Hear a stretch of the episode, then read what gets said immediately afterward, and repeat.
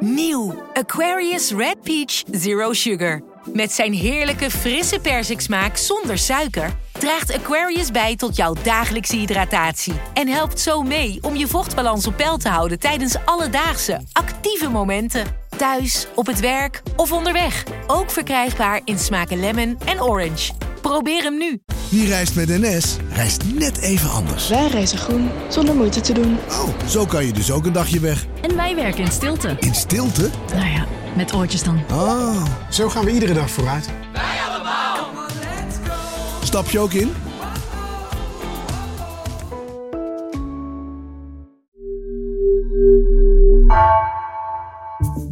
Vanaf de redactie van NRC het verhaal van vandaag. Mijn naam is Floor Boon.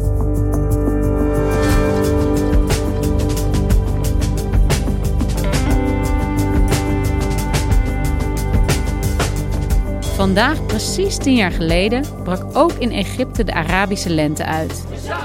Duizenden mensen keerden zich tegen het dictatoriale regime van Hosni Mubarak. Chef van de Haagse redactie Guus Valk deed indertijd als correspondent verslag van de gebeurtenissen, terwijl het werken hem en andere journalisten steeds moeilijker werd gemaakt. Wat als je als journalist zelf onderwerp wordt bij een historische opstand?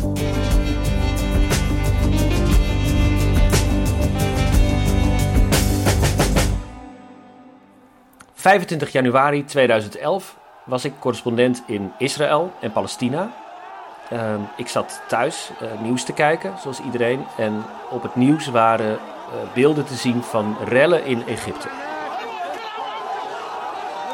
De Arabische opstanden, of zoals het vaak buiten het Midden-Oosten de Arabische lente is gaan heten, um, begonnen eind 2010, begin 2011. En was eigenlijk een kettingreactie aan uh, gebeurtenissen in de Arabische wereld. Waarbij uh, bevolkingen in opstand kwamen tegen de uh, corruptie en onderdrukking van hun regimes. Breaking news tonight from Cairo, where after a day of unprecedented violence, the night gives way to armed chaos.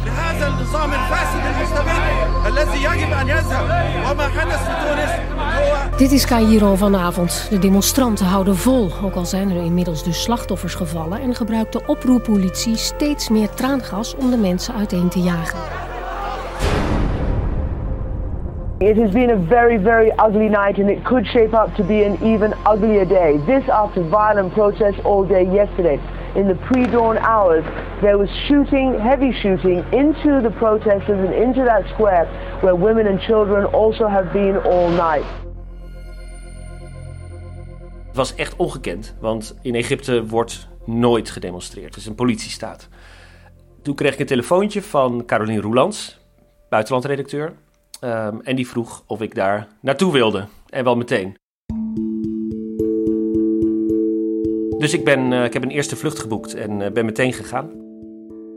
Toen ik landde op het uh, vliegveld van Cairo, dat was een dag later, de 26e, toen was me meteen wel duidelijk hoe ernstig het was. Want ik zag al de eerste uitgebrande auto's, um, heel veel politie op straat.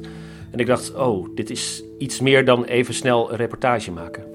Dit gaat heel lang duren. Wat gebeurde die eerste paar dagen? Want jij kwam dus aan op uh, de 26e, 26 januari. Wanneer kreeg je in de gaten van dit gaat echt goed uit de hand lopen hier? Dat was eigenlijk pas de vrijdag 28 januari, een paar dagen later. Uh, dat werd aangekondigd als de dag van woede. Um, en uh, die dag ging zo dat in de ochtend massaal werd opgeroepen om naar de moskee te gaan. En daar zouden mensen van de imam horen wat die vond van de onrusten in Egypte. En um, op het moment dat uh, de moskeeën uitgingen, en ik was met iemand mee die zelf de moskee inging en ik stond buiten te wachten. Uh, op het moment dat hij weer naar buiten stapte met, met honderden mannen, allemaal skanderend, stap op. Je hoorde het opeens overal. People are all chanting down, down with the regime. There is nothing more clearer that the message is coming out of these people. There you go, exactly that. Don't stay here, Mubarak. It's their clear, simple message that they want to get across. Ik hoorde het ook op allerlei andere plekken in de stad. En die dag van woede zag ik nou, op een gegeven moment honderdduizenden mensen op straat. Het was echt een kluwe aan mensen. En, en je, zag, je zag groepen lopen, daarachter weer groepen, daarachter weer groepen. Allemaal hetzelfde woord scanderend. Dat, dat heeft zo'n uh, psychologisch effect op mensen. Dat, dat had ik nog nooit eerder gezien. En in de loop van de middag begon de politie met traangas te schieten. Ehm, daarna met rubberen kogels. En daarna met echte kogels. Dus het werd echt een bloedbad uiteindelijk, die dag van woede.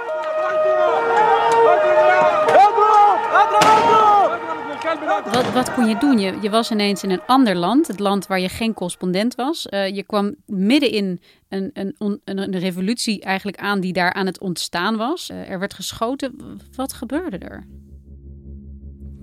Ja, op dat moment uh, ben je toch een beetje aan de goden overgeleverd, bijna. Want ehm, mijn, ik was op dat moment had ik nog een, een soort fixer bij me, een lokale journalist. Um, zodra de eerste traaggasgranaat werd geschoten, vluchtte die weg en ik heb hem nooit meer gezien vanaf dat moment uh, ben je toch wel echt uh, een beetje een speelbal van de gebeurtenissen. Want er ontstond een grote veldslag op straat tussen de politie en demonstranten. Waarbij het echt ging om controle van pleinen, bruggen, verkeers, uh, belangrijke verkeerspunten. Natuurlijk het Tagrierplein, het symbool van het Egyptische verzet. Maar het gebeurde overal in de stad. Dus je kon op dat moment niet zo heel erg veel meer. Want op iedere straathoek werd eigenlijk geschoten op mensen. Ik probeerde op een gegeven moment terug te lopen naar Zamalek, de wijk waar mijn eh, hotel stond. En er werd zo verschrikkelijk veel geschoten dat ik wist dat ik daar niet meer uh, naartoe kon, want moest ik een brug over. Dat, was, dat was absoluut uitgesloten. Op een gegeven moment kwam er een taxi voorbij, die heb ik aangehouden. En die heb ik gewoon rondjes laten rijden. Om ook maar gewoon wat te zien van de stad en bezig te zijn. En veilig te zijn. Maar na uh, anderhalf uur uh, rondjes draaien had ik wel door dat uh, mijn bewegingsvrijheid wel heel klein aan het worden was. Dus jij zat op dat moment in het centrum van Cairo, alles liep uit de hand. Wat, wat ben je gaan doen? Na een hele avond dolen heb ik uiteindelijk een hotel gevonden. Waar ze geen mensen toelieten, zonder beveiligers voor de deur. Um, ze waren bang dat, dat relschoppers daar een veilig heenkomen zouden zoeken. En ik heb uh, uiteindelijk, en dat is niet iets waar ik heel trots op terugkijk, maar um, me er een beetje ingebluft door mijn Nederlandse paspoort tegen de uh, muur, tegen de glazen deur te houden. Um, en aan die beveiligers te laten zien van, hé, hey, ik, ik hoor hier. Um, en toen hebben ze de deuren open gedaan. Dat was echt een wondertje. Daar bleek ook nog een kamer beschikbaar te zijn. En ik herinner me nog goed dat ik het raam uitkeek en het gebouw naast me, dat was een restaurant, ging letterlijk in vlammen op, werd in brand gestoken. En ik, ik registreerde dat nauwelijks meer. Nou, ik zou nu denken, wat, wat gevaarlijk. Maar ik, ik deed het gordijn dicht en ben daarna gewoon even gaan slapen. Het klinkt wel heel beangstigend eigenlijk ook. Wat, wat deed dat met jou op dat moment? Op dat moment was ik uh, heel erg bezig met gewoon het stuk moet naar de krant. Dat was eigenlijk mijn enige gedachte. Omdat de eerste opstand en de eerste rellen zo online werden georganiseerd uh, en activisten elkaar ook online zo vonden, had het regime besloten om alle communicatiemiddelen digitaal af te snijden. Dus uh, telefoon kon niet meer gebruikt worden, internet kon niet meer gebruikt worden. Uh, mijn iPhone was totaal dysfunctioneel op dat moment. Je, je weet alleen maar wat je ziet op dat moment en wat je hoort. Ik was ook heel blij dat ik uiteindelijk via een satelliettelefoon mijn aantekeningen kon doorbellen dat was eigenlijk de hele tijd uh, het enige wat ik in mijn hoofd had gezet. Ik dacht ook van, het zou toch ook jammer zijn als ik hier de hele dag allerlei mooie indrukken opdoe en iets, iets heel bijzonders meemaak. En dat, ja, dat land nergens, dat, daar kun je niks mee. Dat geeft je een heel machteloos gevoel. Dus dat was echt mijn enige, uh, eigenlijk mijn enige gedachte op dat moment. Hoe ging het daarna verder? De ochtend erna kon ik terug naar mijn gewone hotel, waar al mijn spullen lagen. En mijn laptop, ook niet onbelangrijk. Dus uh, op dat moment was even de rust wedergekeerd en konden wij, uh, uh, buitenlandse journalisten, ook weer enigszins ons werk doen. Het werd wel steeds lastiger. Ik merkte dat, dat het, het, gebrek aan communicatie mij wel echt parten speelde. Daar kwam bij, na verloop van tijd, dat de Egyptische autoriteiten steeds meer de buitenlandse pers in het vizier kregen. Um, de vicepresident van Egypte, weet ik nog goed, kwam op een gegeven moment op de televisie en die zei toen ja mensen, er is, er is eh, niet een echte opstand gaande. Het is, uh, het is een buitenlands complot. Um, uh, let allemaal goed op mensen die er westers uitzien. Dat leidde tot ook wel een heksenjacht op buitenlandse journalisten. weer tot heel veel internationale afkeuring. En op die manier werden buitenlandse journalisten ook steeds meer een speler in, in het verhaal. Maar je bent een speler en een doelwit. En je wordt een doelwit, ja. Uh, er zijn collega's in elkaar geslagen, gearresteerd. Um, uh, er zijn uh, meerdere uh, collega's uh, aangerand of erger. An angry mob of pro-Mubarak supporters quickly surrounded us. We had American, we had any country more. Okay, go to any place more. You want us to go? Yes, I want you go to from here. Why? Uh, because we are hate you. We hate American. You hate us? Yes, I hate you. Why do you hate us? You are not good person. Go to any place. You are not with us. Okay. You are not with us. Okay. And as we started to drive off, they hit the car with their fists over and over again and threw a rock through the front window. The glass is shattered all over our driver. Een gevolg van al dat geweld tegen journalisten was ook dat het heel erg ging over geweld tegen journalisten. En dat nieuwszenders dat ook heel erg begonnen te herhalen. Ik merkte dat het een soort dynamiek op gang bracht, waarbij het steeds meer over journalisten ging en steeds minder over wat er in Egypte gebeurde. Ja, dus eigenlijk ging de nadruk weg van uh, ja, de inwoners van Egypte die een revolutie aan het voeren waren, tot hoe dat zich een van de uitwassen daarvan uh, richtte op geweld tegen met name buitenlandse journalisten. Ja, en het leidde tot heel veel internationale verontwaardiging. Um, en het leidde ons ook nog eens af van het echte verhaal, namelijk de opstand die uh, Egyptenaren aan het voeren waren tegen hun dictator. Ik herinner me de dag uh, die de geschiedenis in is gegaan als uh, de slag van de kamelen. And suddenly this almost medieval sight. Men riding horses and camels galloping in at breakneck speed, charging the crowd and cracking their whips. Soon this square was a battleground and it raged on for hours. Rocks were hurled from both sides. There were bloody beatings and Molotov cocktails tossed into the crowd. Some were likely genuine Mubarak supporters, but others clearly thugs sent in as agitators. Achteraf is dat een, is dat een verschrikkelijke veldslag geworden op het Tahrirplein. Op een gegeven moment uh, kregen we ook huisarrest, dus we mochten niet meer uh, de straat op. Er stond politie voor de deur en dat was om ons te beschermen, werd gezegd. Tegen zeg maar, de, de anti-buitenlandse perssfeer die er was gaan hangen. Maar het was natuurlijk ook een manier om ons te controleren. Dus een aantal dagen ben ik gewoon helemaal niet uh, mijn hotel uit geweest. Een helikopter van het, uh, van, uh, van het regime cirkelde boven ons hoofd in de tuin van het hotel. Als een signaal van we hebben jullie in de gaten. Je kon ook, kan ik me zo voorstellen, steeds moeilijker volgen daarmee wat er dus eigenlijk gebeurde. En echt helemaal geen verslag doen. Want je zit opgesloten in een hotel. Het internet is afgesloten of communicatiemiddelen zijn uitgeschakeld. Hoe kwam je op dat moment aan je informatie? Uh, dat werd steeds moeilijker. Gelukkig werd uh, internet en telefoon uh, na ongeveer een week, geloof ik, weer aangesloten. Waardoor we toch in ieder geval weer contact met de buitenwereld hadden. En toen kon ik ook weer inchecken bij de mensen die ik in de eerste dagen had ontmoet.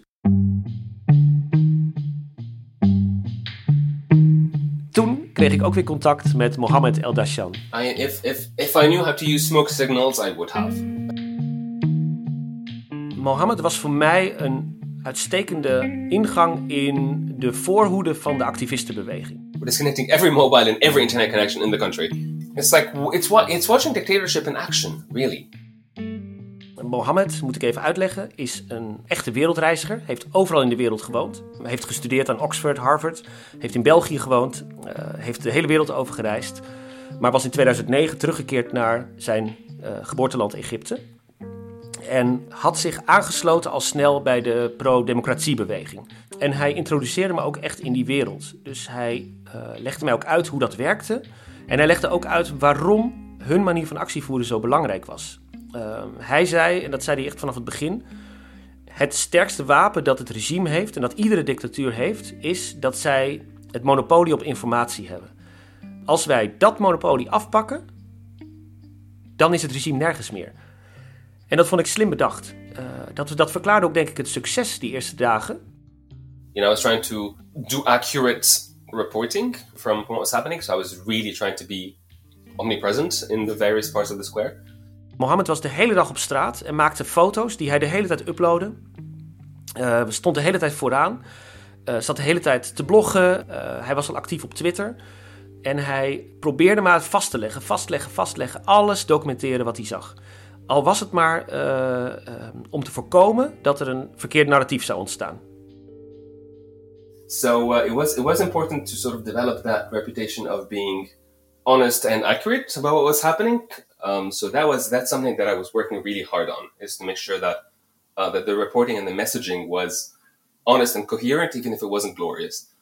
Facebook was al heel populair in, uh, in Egypte. Maar dat sociale media gebruikt werden als, um, als, als tool voor activisme, dat, dat kennen we nog helemaal niet. En je kan het je nu niet meer voorstellen. We zijn nu tien jaar later en alles gaat via sociale media. Um, maar op dat moment, zeker in het Midden-Oosten, was dat nog helemaal niet zo. Het, echt het online mobiliseren van mensen en het aanmaken van groepen om een bepaald soort eenheid te creëren, om mensen de straat op te krijgen, om mensen boos te maken, om mensen verontwaardigd te maken. Dat was nog helemaal nieuw, dat was er nog helemaal niet. Op 25 januari, de eerste dag van de uh, onlusten in Cairo, heeft hij uh, met een groepje uh, de politie op een geweldige manier om de tuin geleid. Ehm, ze werkten namelijk in een Google Doc. Dat was hun plek om samen te komen en om afspraken te maken. Want in een Google Doc kun je allemaal tegelijkertijd werken. Je kunt allemaal meekijken. Ze wisten op dat moment dat de politie meekeek. De politie zat uh, mee te luisteren met wat, en mee te kijken eigenlijk met wat ze daar opschreven. Dus wat deden ze? Ze vulden een uh, locatie in in dat document ehm, dat, waar ze zouden samenkomen voor een demonstratie. En dat zou massaal worden, hadden ze erbij gezet. Um, de politie rukte met enorm materieel uit naar die plek. And then at the last moment went back to the original document and went, haha, we changed the locations. These are the actual locations and this is where people should go. En uh, verzamelden zich alsnog op een andere plek. Isn't that, isn't that absolutely fucking brilliant? Because that's one hell of an important Google Doc in the history of this revolution. Op 11 februari, dus ruim twee weken na het begin van de eerste onlusten, trad Mubarak af. Um, dat leidde eerst tot een enorme explosie van euforie.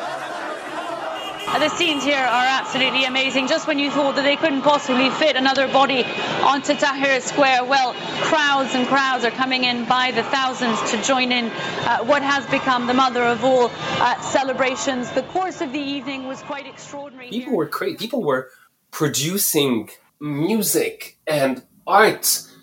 Publishing houses were created. I think at one point we reached 90 political parties.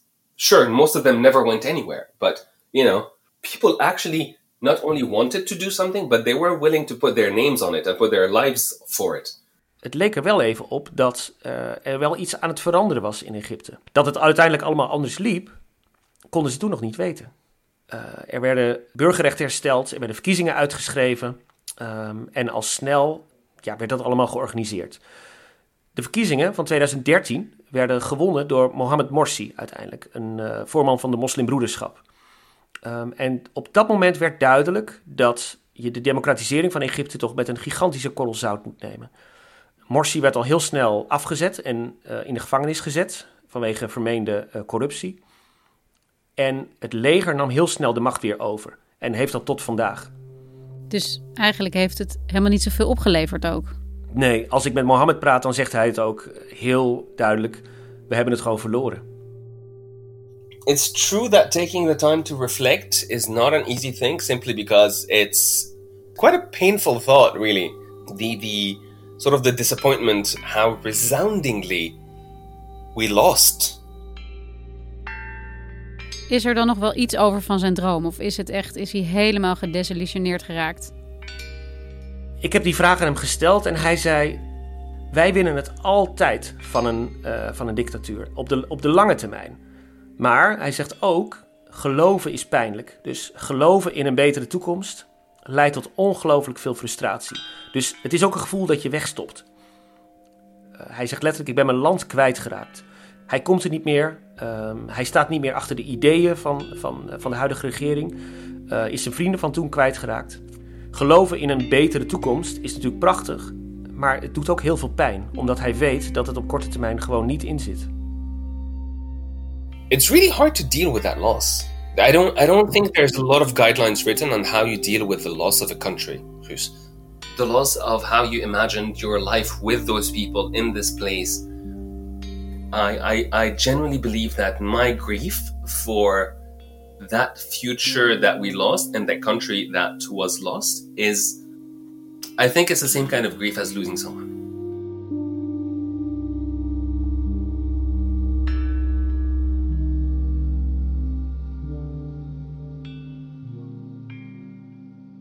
Dit gaat over Egypte en over Mohammed. Maar in die dagen zat jij op een gegeven moment opgesloten in je hotel. Uh, een tijdje in ieder geval. Hoe ben je daar weggekomen? Op een dag meldden Buitenlandse Zaken zich en zeiden dat zij ons konden escorteren naar het vliegveld. Uh, dat op eigen houtje naar het vliegveld gaan zat er absoluut niet in. Dat was veel te onveilig. De defensieattaché van de Nederlandse ambassade had geregeld dat wij in een soort escorte uh, langs alle checkpoints geleid zouden worden. Door Nederlandse diplomaten. Met als voorwaarde dat wij zouden doen alsof wij uh, verdwaalde toeristen waren. Dus laptop achterlaten, perskaart achterlaten, telefoon, foto's wissen. Um, uh, notitieblokjes uh, verscheuren. mijn laptop is door een hele lieve collega van Eén Vandaag nog later naar Nederland ge ge gebracht. Maar voor de rest heb ik niets over van die tijd. Heel gek. Dankjewel, Guus. Alsjeblieft.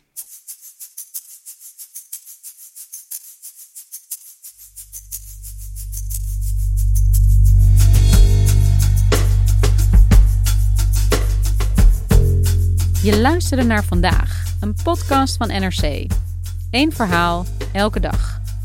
Deze aflevering werd gemaakt door Felicia Alberding en Jennifer Patterson. Chef van de audioredactie is Anne Moraal. Dit was vandaag. Morgen weer.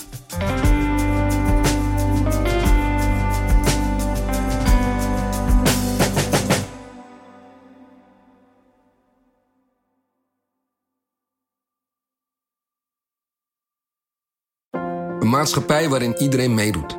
Een gezonde, groene en rechtvaardige wereld. Daar willen jij en heel veel andere mensen best iets aan bijdragen. In het klein en in het groot. Dicht bij huis en ver weg. Zo hebben we vorig jaar 349 miljoen euro bij elkaar gebracht. Miljoenen waarmee onze goede doelenpartners de wereld elke dag een beetje beter kunnen maken. Nationale Postcode Loterij. Samen voor een betere wereld.